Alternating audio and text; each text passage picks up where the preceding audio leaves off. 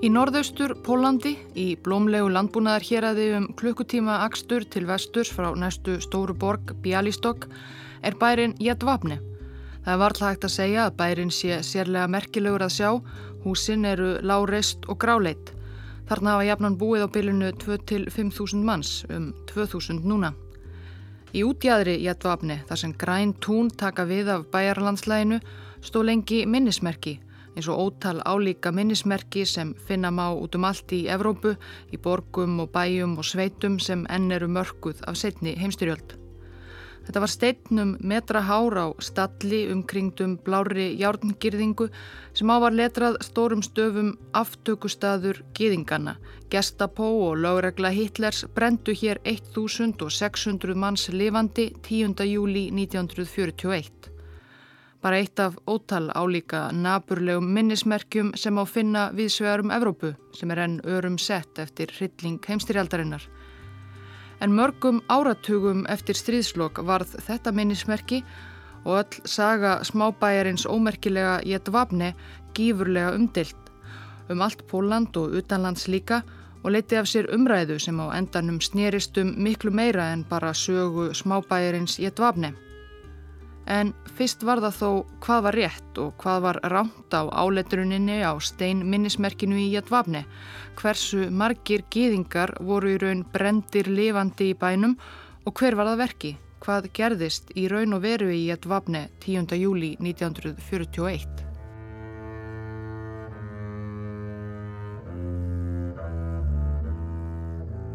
Árið 2000 kom út bók í Pólandi eftir pólskan sagfræðing Jan Gross, profesor við Princeton Háskóla í Bandaríkunum. Bókin Nágrannar, Neighbors í enskri þýðingu er stutt en snertir á mörgu í pólskri sögu og sögu gýðingana í Pólandi. Aðalega fjallar hún þó um Jedvabne og atbyrðina sem þar urðu 10. júli 1941.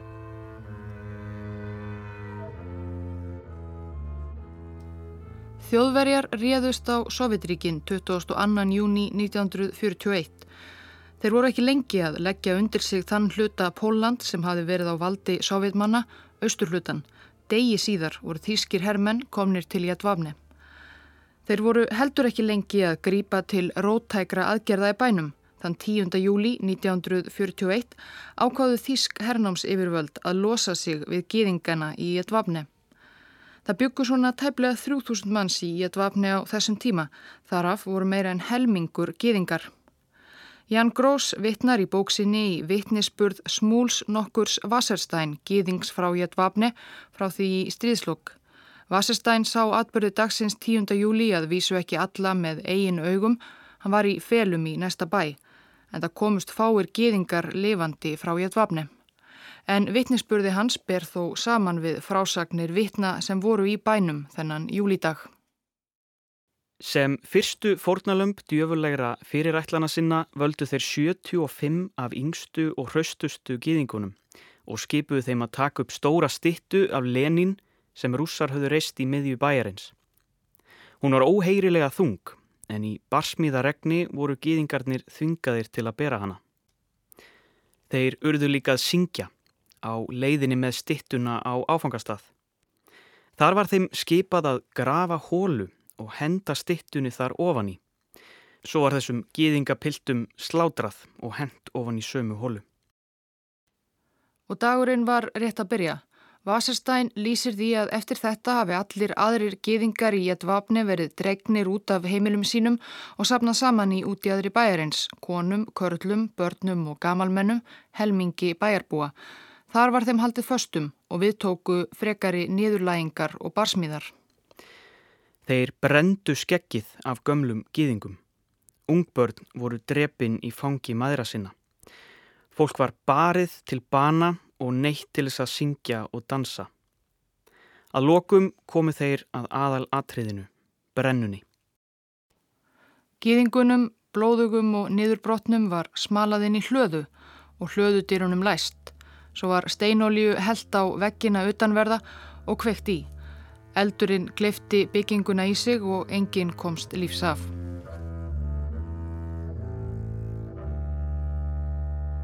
Það voru ekki bara hryllileg örlög gýðingana í Jadvapni sem gerðu það verkum að nágrannar, sakfræði profesorsins Jans Grós, varð fljótlega eftir útgáfu mjög umtöluð bók. Það var vegna þess hverjir það voru í raun og veru sem söpnuðu gýðingunum í Jadvapni saman, neittu þá til að bera Lenin stittu þvert yfir bæin, syngja, dansa, börðu þá svo og brendu þá inni. Það voru nefnilega ekki, skrifaði Grós, gestapómenn, liðsmenn SS sveitana eða illmenni úr Þýska hernum. Það voru næstu nágrannar gýðingana í ett vapni, hinhelmingurinn, pólskir, kathólskir bæjarbúar. Það var það sem var umdelt.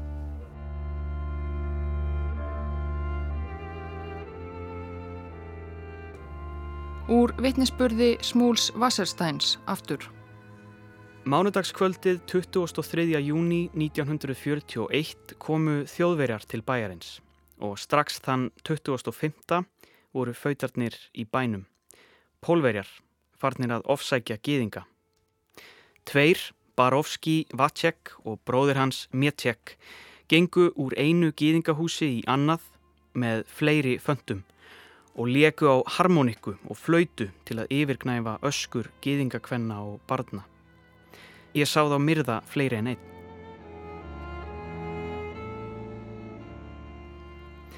Morgunin 10. júli 1941 komu átta gestapómenn í bæin og funduðu með bæjar yfirvöldum. Þegar gestapó spurðu hvað þeir ætluðust fyrir með geðingana í bænum, sögðu bæjarstjórnarmenninir að það yrði að drepa þá alla. Þegar þjóðverjar stungu upp á að þyrma einni fjölskyldu úr hverri starfstétt, sagði trésmiðurinn Bronislav Slesinski sem var á fundinum. Við eigum nóg af okkar eigin yðnaðamönnum. Við verðum að gera úta við á alla. Engin ætti að komast lífs af. Karolak bæjarstjóri og allir aðrir voru honum sammála.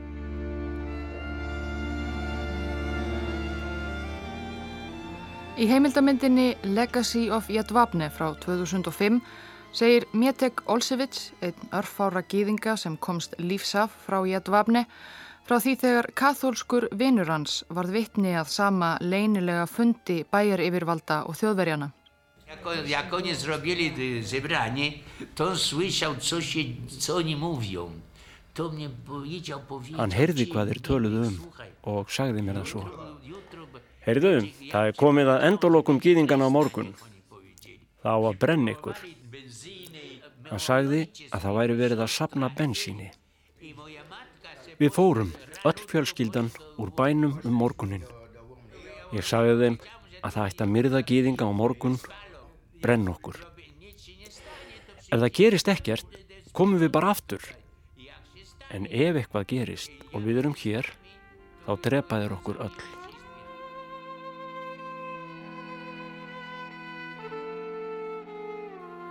Árið 1949 var réttað í hérastómstólnum í Vomsja, það er borgi í norðaustur Pólandi, ekki langt frá Jadvapne, yfir 21 kartmanni frá Jadvapne sem sagaðir voru um að hafa myrt fjölda gýðinga í bænum 10. júli 1941. Stríðinu var lokið og kommunistar voru komni til valda í Pólandi. Rannsóknin og réttarhöldin voru beigðað hluta til á vittnisspurði Smúls Wasserstein sem minnst var á hér áðan og svo á yfirheyslum yfir þeim ákjærðu og fólki sem komst til lífsaf úr hryllingnum og bara fólki í bænum. Marian Karolak bæjástjóri var liðtóið þeirra. Hann var með kilvu og æsti menn upp til að drepa gýðinga. Ég sá með eigin augum hvernig Karolak mistermdi gýðingum á markastorkinu með kilvunni og rak þá út af heimilu sínum og á torkið og barði þá svo harkalega. Þetta var hryllileg sjón, öll þessi dráp. Jósef Kupsnieki í Jetvapni stakk átján gýðinga með nýfi. Hann saði mér það sjálfur þegar hann var að koma opninum okkar fyrir. Þeir ákerðu voru á aldrinum 27 til 64 ára. Það voru venjulegir Jetvapni menn Þeir voru flestir bændur eða vinnumenn, svo voru tveir skósmiðir, tveir lásasmiðir, múrari, trésmiður, brevberi og embætismadur. Þeir hafðu þegar játað margir hverjir í yfirheyslum lauruglu að hafa tekið þátt í því sem gerðist í Þorpinu 10. júli, átta árum fyrr. Það kom einhver og sagði að bæjastjórunni í Edvapne væri að hvetja fólk til að sapna gýðingunum saman á markastorkinu. Svo sagði Karolak bæjastjóri mér að ganga á skuggaðum að enginn slippi. Gýðingarnir báru Lenin stittunaðu um markaðinn. Síðan smöluðum við þeim öllum með stittuna út úr bænum og í hlöðunans Bronislavs Slettinski þar sem þeir voru brendir. Jósef Gradovski var einn af þeim fáu gýðingum sem komst lífsaf af markaðstorkinu í Jætvapne þennan daginn. Hann saðist hafa séð fáa þjóðverja en marga pólverja. Ég var á miðju torkinu og var látin reyta arfa. Það voru margir sem stóðu vörð. Fyrir hvert gýðing voru örglega fimm manns sem stóðu vörð. Það voru yngir þarna bara að horfa á. Allir voru að hjálpa til við að sapna gýðingunum saman. Pólsk börn ráfuðu um torkið. Ég heyrði tvær pólskar konur sem gengu eftir götunni segja Við verðum að passa að það verði engin vittni eftir. Fleiri vitni sögðu að einhverjir þjóðverjar hefðu vissulega verið á markaðstorkinu og við hlöðuna í Jadvapne 10. júli en þeir hefðu mestu haldið sig til hljés.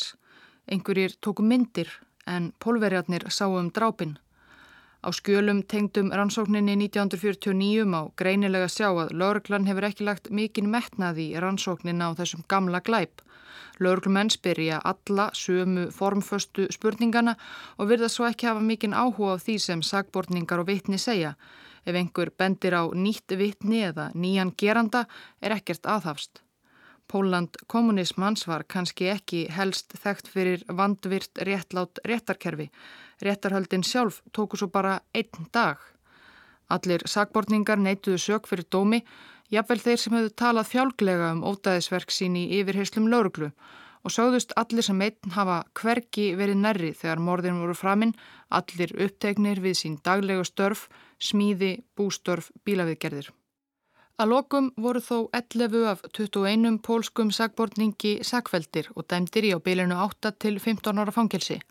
Sagt var frá dómnum í pólskum fjölmiðlum En réttarhöldin eða það sem þar kom fram um glæpin hryllilega í Jætvapne virðist ekki hafa vakið mikla aðtegli. Sama ár 1949 var minnismerkið í Jætvapne áletraði steinnin á stöpplinum í útjæðriði bæjarins settur upp. Þar sem stóðað gestapó og þjóðverjar hefðu verið að verki í bænum. Ekki pólskir skósmiðir, múrarar, bændur og brefberar eins og hafðu hlotið fangelsistóma ekki svo laungu áður.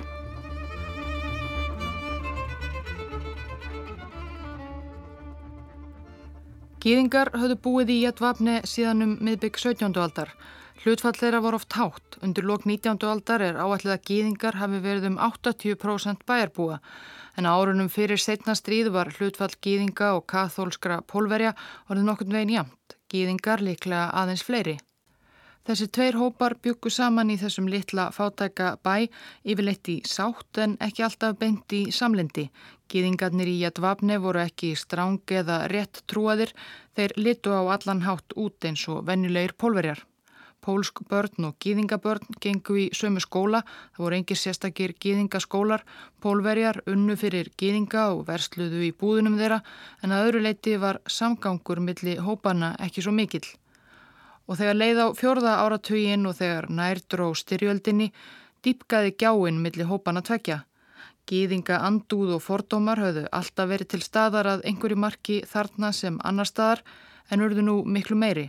Póland með sínar þrjár og hálfu miljón gýðinga, 10% þjóðarinnar, var ekki undanskilið þeim evróska tíðaranda. Aðal andstaðan við stjórnvöld millistriðsárana, einræðisherran Jósef Pilsudski og eftirmann hans, var pólski þjóðarflokkurinn, stráng kathólskur og þjóðernissinnaður eins og nafnið benti til. Flokkurinn kynnti ötulega undir gýðingahattri. Gýðingum var kent um allt sem miður fór í Pólandi og þeir voru dregnir upp sem svikulir, trúvillingar, plottandi, peningaplokkarar og landræðamenn. Fólk sem bjó í Jætvapni og nærsveitum á fjórða áratugnum hefur síðan í viðtölum minnst þess hvernig ósættið ógs smátt og smátt. Hvernig það byrjaði með óknittum sveitastráka gegn gýðingum, svo voru pólverjar kvattir til að sniðkanga verslanir gýðingar þóttar veru yfirleitt langt um ódýrari. Ungliðarhefing þjóðarflokksins skipulagði skemdarverk á eigum gýðinga. Katholsku kirkjunni var sömu leiðis í nöp við gýðinga og þessum slóðum var kirkjan líka í góðum tengslum við þjóðarnissinnana í þjóðarflokknum. Prestar breyttu út andgýðinglegan bóðskap þjóðarnissinna í predikunum sínum. Í dagblöðum sem kirkjan gaf út á fjörða áratögnum má lesa fáránlegan áróður um gýðinga sem stela störfum, landi og verðmætum af heiðarlegum katholikum, svíksemi og landráð pólsku gýðingana og svo framvegis. Oft var Þískaland eftir að nazistar komist þar til valda sett fram sem fyrirmynd um hvernig bæri að taka á myndum gýðingavanda af festu og ákveðni. Strax um 1936 var orðið alvanalegt að í Jetavapni og nálægum bæjum veru haldnir fjöldafundur og göngur þar sem gýðingum var útúðað. Köllin ómöðu burt með gýðingana, lemjum gýðinga og kórar sungu Guð losaðu Póland við gýðingana. Þessi frásögn frá 1937 er dæmigerð. 19. ágúst á markaði í Þorpinu Snjadóvó rak múgur kaupmennuna burt rópandi gýðinga til Palestínu og það er ekkert pláss fyrir ykkur í Pólandi. Gýðingarnir voru hýttir með sveipum og eitt var lamin í höfuðið með drömbi. Á sama tíma var eplakörfu sem gýðingar áttu veltum koll, átta kortsekkir voru skortnir í sundur og reyðtíi rifin. Við slíka orðræðu og í slíku umhverfi fordóma og hatur sögðu íbúar í Jettvapni og nákrenni sem sé búið í næri áratug þegar morðin voru framinn.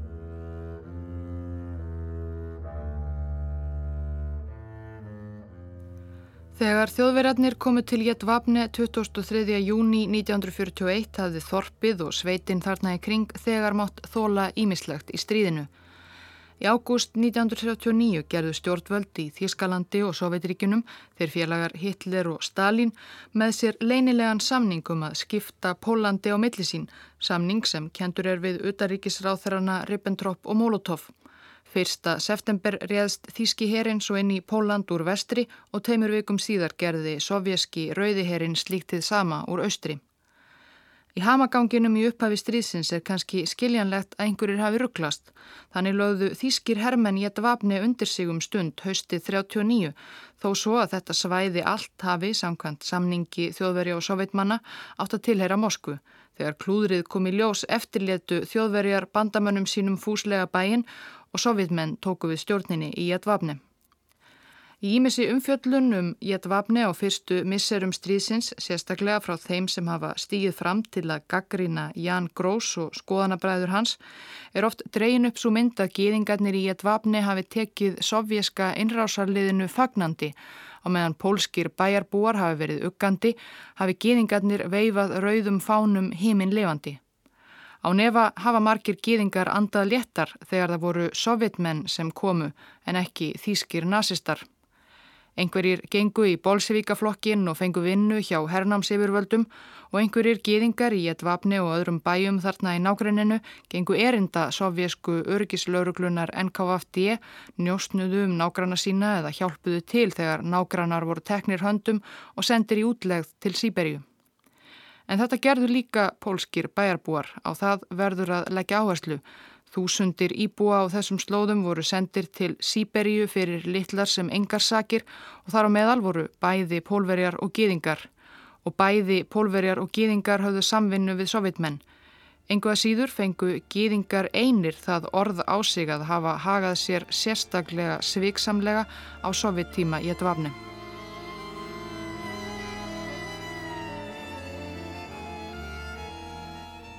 Jetvapne var ekki eini bærin í Pólandi þar sem geðingar hlutu hryllilega örlög. Svipaðir atbyrðir gerðust viðsvegar um austanvert Póland eftir að sovjetmenn hörfuðu þaðan sumarið 41. Þetta var eins og eftir formúlu. Þjóðverjarnir fenguð pólska, þorsbúa og sveitunga til að ganga erinda sinna, sapna saman nágrunum sínum, gýðingunum, niðurlega þá með því að láta þá reyta arfa, syngja og dansa, bera stittur og setja á svið útfarir óvinnana Lenins og Stalin. Svo var fólki myrt, gerðnan brent inni í hlöðum. Þetta gerðist líka í Vósjós, Þorpi, Spottakorn, Norður af Vjetvapne 5. júli, 5 dögum fyrir morðin þar og 7. júli í næsta Þorpi, Radjivúf. Þar var líka hlöðubrenna. Margir gýðingar höfðu flúið ofsóknirnar í Vósjós til Radjivóf en mættu dauða sínum þar.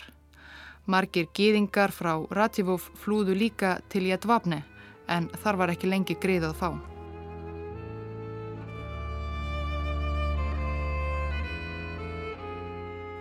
Það voru vissulega þýskir nazistar sem heldu um stjórnartaumana í Pólandi og báru loka ábyrðina. Þetta var nefnilega allt hluti af ákveðinni formúlu eða áætlun sem SS-fóringin Reinhard Heydrich hafði mótað.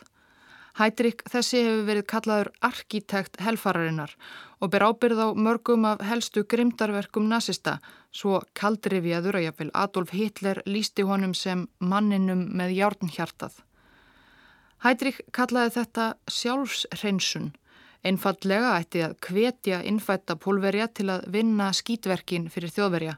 Hann let menn sína dreifa and gýðinglegum áróðuri í pólskum sveitum þar sem gýðingar voru meðal annars sagaðir um að hafa tekið þátt í eða stutt glæpi sovjetmanna í sveitinni og svo framvegs til að espa enn upp gýðingahatrið sem hafi verið svo lengi að gerjast á þessum slóðum. Svo kvöttu þjóðverjarnir pólverja eindreið til að beita nágranna sína gýðingarna óbeldi, myrða þá og, já, til dæmis brenna inni í hlöðum. Lofuðu gerðnan verðlaunum eða að pólverjarnir myndu svo fá að taka yfir eigur myrtra nágranna sína. Af undirtektunum í Jetvapni og nágranni að dæma þurfti yfirleitt ekki mikla kvartningu til.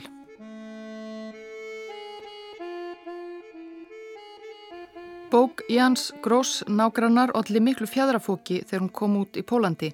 Viðbröðin voru misjöfn. Margir fagnuðu því að pólverjar myndu loksins horfast í augu við eitthvað það erfiðasta og myrkasta í sögusinni. Fáar þjóðir fóru eins illa út úr setni heimsturjöld og pólverjar en það þýður auðvitað ekki að allir pólverjar hafi engöngu verið fornarlömp og glæpir eins og Jett Vapne verða að koma fram í dagsljósið. En bókin mætti líka fljótt hardri anstöðu, mjög hardri. Grós var svo gott sem útrópaður landráðamaður af mörgum pólverjum fyrir að dirfast að halda því fram að pólverjar bæru ábyrð á fjöldamorðunum. Jett vapni heldtók pólska þjóðfélagsumræðu og bók Grós fylgdi flóð af greinum, leiðurum og fleiri bókum. Mart í bókans var dreyði Eva. Annarkvort heldu gaggrinendur því fram að gestapómenn hefðu alfarið verið að verki eða þá að pólverjarnir hefðu allir verið neittir af þýskum yfirvöldum til þessa hryllilega verknaðar. Alls enginn drifin áfram af gömlu hatri eða gróðahyggju. Því auðvitað köstuðu pólskir íbúar gett vapni eignsinni á eigur gýðingarna eftir að búið var að brenna þá. Einnig var bent á að bók Grós byggist að hluta til á nokkuð ófullnægjandi heimildum frásögn manns Smúls Vasserstein sem var ekki beininins á staðnum og lauruglu og dómskjölum úr óréttlátu dómskerfi kommunista, hjáttningum, sagbortninga sem kannski voru barðir eða pintaðir í haldi, nokkuð sem Grós tekur endar fram í bóksinni. Þá hafi Grós ekki leitað upp í skjöl þýskra hernáms yfirvalda frá Jættavapni og nákrenni og svo framvegis. Umræðan var þó ekki öll svo máleflanleg. Allt var dreyði í Eva, jafnvel það sem hafi verið sjálfsagt áður. Margir fóru þannig að efastum að yfirleitt væri hægt að koma 1600 gýðingum fyrir í einni hlöðu til að brenna þá.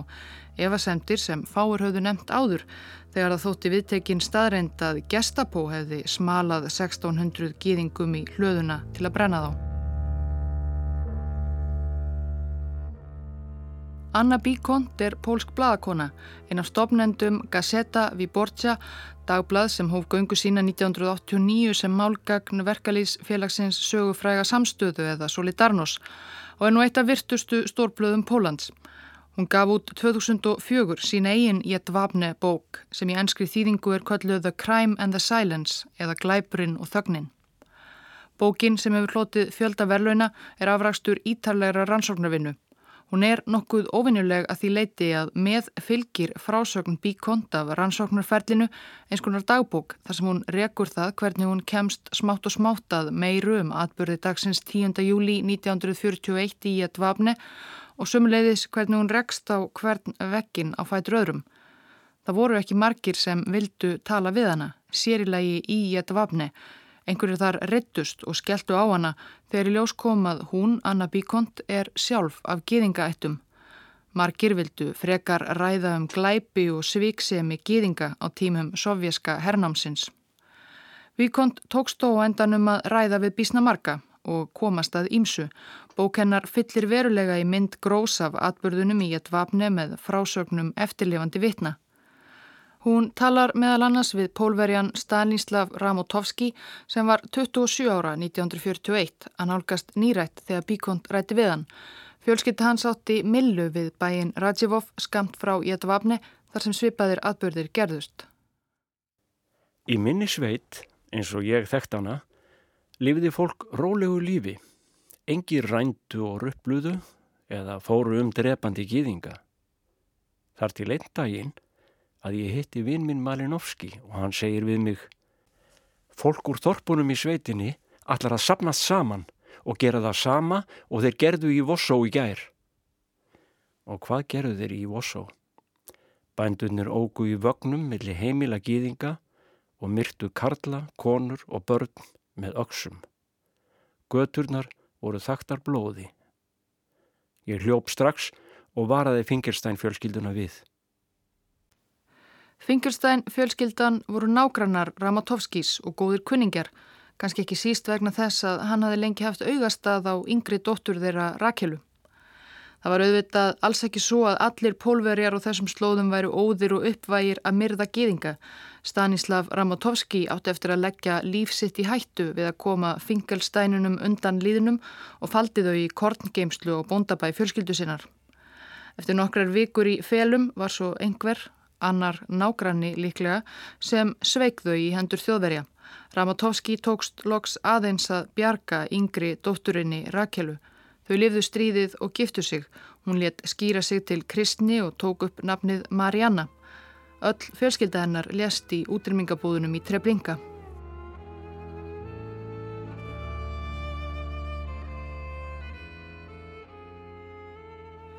Það var fleira gott fólki í Edvabne góðir pólverjar. Antonína Vissikovska, þá 25 ára, faldi á heimili sínu og fjölskyldu sinnar og bjargaði þannig lífi sjö gýðinga í ett vapni. Þar á meðal voru þeir Smúl Vaserstein og Matjek Olsevits sem við höfum heyrt af hér. Metek Olsevits prišel sa svojim bratem. Hér segir hún frá í viðtali í myndinni Legacy of Jadvabne. Hún, Vissikovska lést 2011, veitti sjaldan viðtöl og vildi lítið tala um hetjutáð sína. Enda þegar uppkomstum björgunina í stríðslokk réðust sex nágrannar hennar intellennar og gengu í skrokka á henni fyrir að hafa bjargað gýðingum.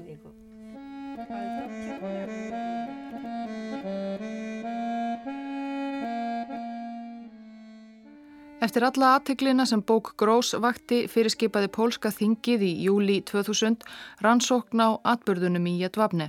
Um rannsóknina sá pólska þjóðarminningarstofnunin, stofnun sem var sett á fóta ekki löngu áður til að halda utanum og rannsaka glæpi nazista í Pólandi á styrjaldarárunum. Á tveimur árum töluðu útsendarar stofnunarinnar við 111 vittni í Pólandi, í Bandaríkunum, í Ísrael og rannsókuðu gögn á skjálasöfnun víða um Póland, í Þýskalandi og Ísrael. Í mæ 2001 grófu þeir í jörð á svæðinu þar sem hlaðan hafði staðið. Hlaðan þar sem sagt var að geðingarnir í ett vapni hefði verið brendir inni. Þar fundu þeir grafna Leninstittuna sem niðurlægðir geðingar höfðu verið látnir bera og vissulega fundu þeir líkamsleifar.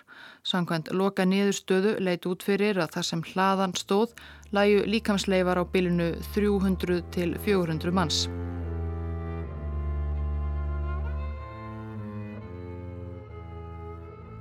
Í loka skýrslu sem þjóðarmenningarstofnunin færði pólska þinginu stendur svart á kvítu að gerendur í fjöldamorðinu í ett vapni hafi verið almennir pólskir bæjarbúar.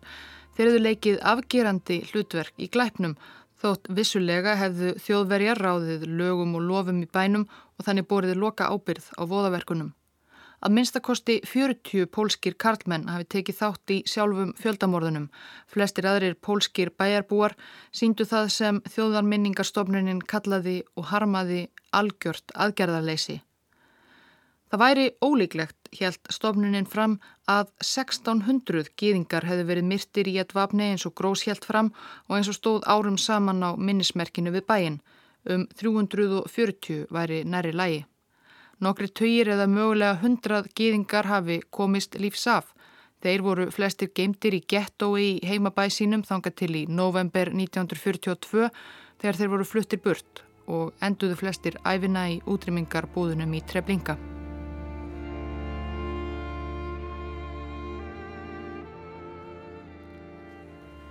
Bækur, grós og bíkont og öll umræðanum þær einblýna í raun aðeins á þennan eina atburð, fjöldamorðin í ett vapni og nokkrum nálægum þorpum, þó svo að vitað sé að gýðingar hafi verið myrtir á sveipaðan hátt í fleiri þorpum og bæjum í Pólandi á strísárunum. Árið 2011 gaf annar pólskur sakfræðingur Jan Grabowski, profesor við Háskólan í Ottawa í Kanada, út bók sem á ennsku nefnist Hunt for the Jews um fyrirbæri sem á þýsku var kallað Jútenjagt, geðingaveiðin.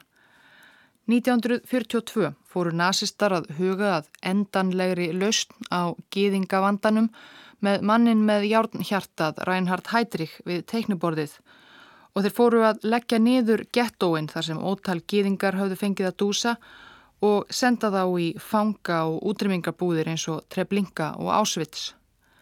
Í ringulreiðinni sem þessu fyldi tókst einhverjum gýðingum að sleppa úr klóm nazista og fara í felur, annarkort innan um pólskan almenning eða í skóum, en fæstum tókst að leynast lengi. Margir voru sviknir eins og fjölskylda Rakelu Finkelstein í fylgsni sínu í korngeimslunni í Radjivov, eða þá að þeir voru beinleinis eldir uppi að pólskum nágrunum sínum og færðir í hendur þjóðverja sem var auðvitað döðadómur, eða bara myrtir á staðnum. Það var það sem var kallað gýðingaveiði. Bók Grabowskis byggir á þryggja ára rannsóknarvinnu í pólskum, þýskum og ísraelskum skjálasöfnum. Eins og hann lýsir voru gýðingaveiðarnar skipulagðar og kerfisbundnar. Þjóðverjar höfðu umsjón með aðgerðum en flestir þáttakendur, veiðimennir, voru pólverjar. Það voru lauruklu og slökkulismenn, uppljóstrarar og almennir þorpsbúar sem fóru í eftirlitsferðir um nágræni sitt að næturlægi í leitað gýðingum. Þetta var svo þjættur vefur, skrifar Grabowski, að gýðingum var gert nær ómögulegt að komast undan. Það sem vakti fyrir pólverjunum sem tóku þátt í þessum daburlega leik verist helst hafa verið gróðavón. Þjóðverjar lofuðu veglegum verlaunum fyrir hvern gýðing. Þau voru að minnstakosti vegleg í augum stríðsjáðra fátæklinga í sveitum Pólans. Fólk gyrntist og eigur nágranna sinna. Grabowski vittnar í dagbók Stanislavs Sjeminski, kennara frá bænum Vúkov í austanverðu Pólandi. Ástandið var enn sorgleira af því að morðin voru ekki bara verk þjóðverja og ukrainskra og letneskra aðstóðamanna þeirra. Það var ljóst að okkar ástkæru lauruglumenn myndu taka þátt í sláturninni. Maður veit að þeir eru sem skeppnur, en svo reyndust venjulegir pólverjar, sjálfbúðaliðar, líka taka þátt í henni. Á mánudaginn var einhvers konar borgara varðsveit, það er bændum sem áttu að gæta þorpana fyrir glæbamönnum, skipað að handsama alla gýðinga í sveitinni og fara með þá til Vúkhoff. Þeir umkringdu þorpin og veiðin hófst. Þeir dróðu gýðinga út úr húsum sínum, þeir eldu þá uppi á túnum og í högum. Skotin óma enn, en híjanurnar okkar hafa þegar fengið augastað á auðæfum gýðingana. Líkin eru enn heit, en fólk er þegar farið að skrifa bref og byggja um hús gýðinga, verslanir gýðinga, verkstæði og landaregnir. Veiðimennir eldu flóttamennina uppi í skóunum. Í vonum að fá launin sem þjóðverjar buðu, vodka, sigur, karteblur, ólíu en líka persónlega muni fórnalampana. Fólk bauð sig fram sjálfviljugt í veiðina. Það var engin þvingaður. Sjeminski sjálfur slapp ekki undan veiðimönnunum. Hann lést 1943 í útrymmingarbúðunum í Mætanek. Dagbók hans fannst í Ruslahauði þegar sovitmenn frelsuðu fangana í búðunum árið síðar. Veiðimennir sjálfur skildu líka eftir sig vitnisspurði. Þessi var hluti af veiðisveit slökkulismanna. Við fórum til Falkóa og þar fundum við eina gýðingakonu í húsi Kursava og annan gýðing heima hjá Frítas. Við lúskruðum alminnilega á gýðingunum og fórum svo með þá til polsku löglunar. Nokkrum dögum síðar var náð í okkur til að gefa skýslu hjá Gestapó og þar fengum við tvo fyrverandi gýðingafrakka, hver, sem verðlaun fyrir okkar diggustörf. Í bók Grabowskis eru margar fleiri álíka frásagnir frá gýðingum, pólverjum og þjóðverjum af gýðinga veiðinni og fúsum pólskum veiðimönnum. Þó takmarkar hann í raun bókina við ákveði hérað í Pólandi, Dabrofa Tarnovska líka í norðaustri. Án Eva má finna ótal fleiri hryllingssögur annar staðar frá.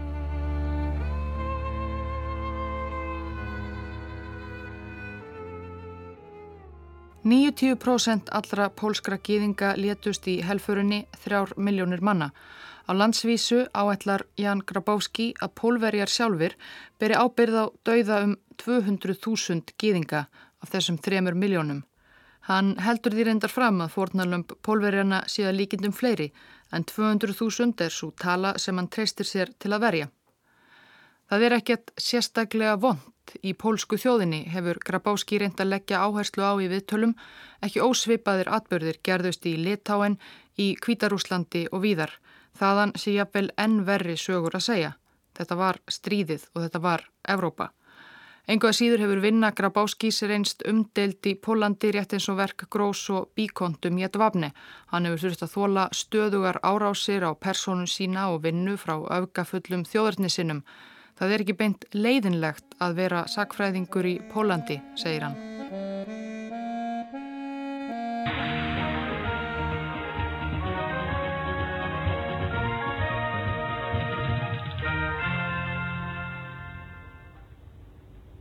Wiadomości Jolanta Pieńkowska. Dobry wieczór Państwu. Prezydent Aleksander Kwaśniewski przeprosił... 10. júli 2001, þegar 60 ár voru liðin frá morðunum í Etvapne, var þáverandi fórseti Pólans Aleksander Kwasniewski viðstattur aðtöfn í bænum. Það var búið að fjarlæga gamla minnismerkið og nýtt var þarna sett í staðin, öllu glæsilegra, með sömu áleitruninni á pólsku, hebresku og jittísku til minningar um geðinga frá Jetvapni og nágrenni, konur, karla og börn íbúa á þessu landi sem voru myrtir og brendir lifandi hér 10. júli 1941. Jako prezydent Rzeczypospolitej Polskiej przepraszam.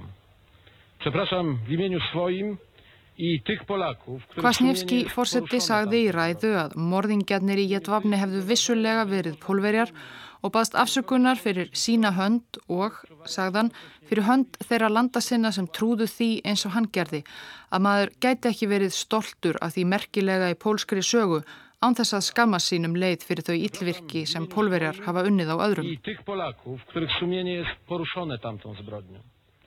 Viðstattir aðtöfnina voru pólsk fyrirmenni, Ísraelski sendiherran, prestar og rabbínar, afkomendur geðinga frá Jætvapne komnir alla leið frá Ísrael, Bandaríkunum og Argentínu. En íbúar Jætvapne heldu sig heima við. Þeir virtust ekki hafa sérstakann áhuga á kastljósinu sem bær þeirra var lendur í, eða á því að skammast sín fyrir glæpi fortíðar.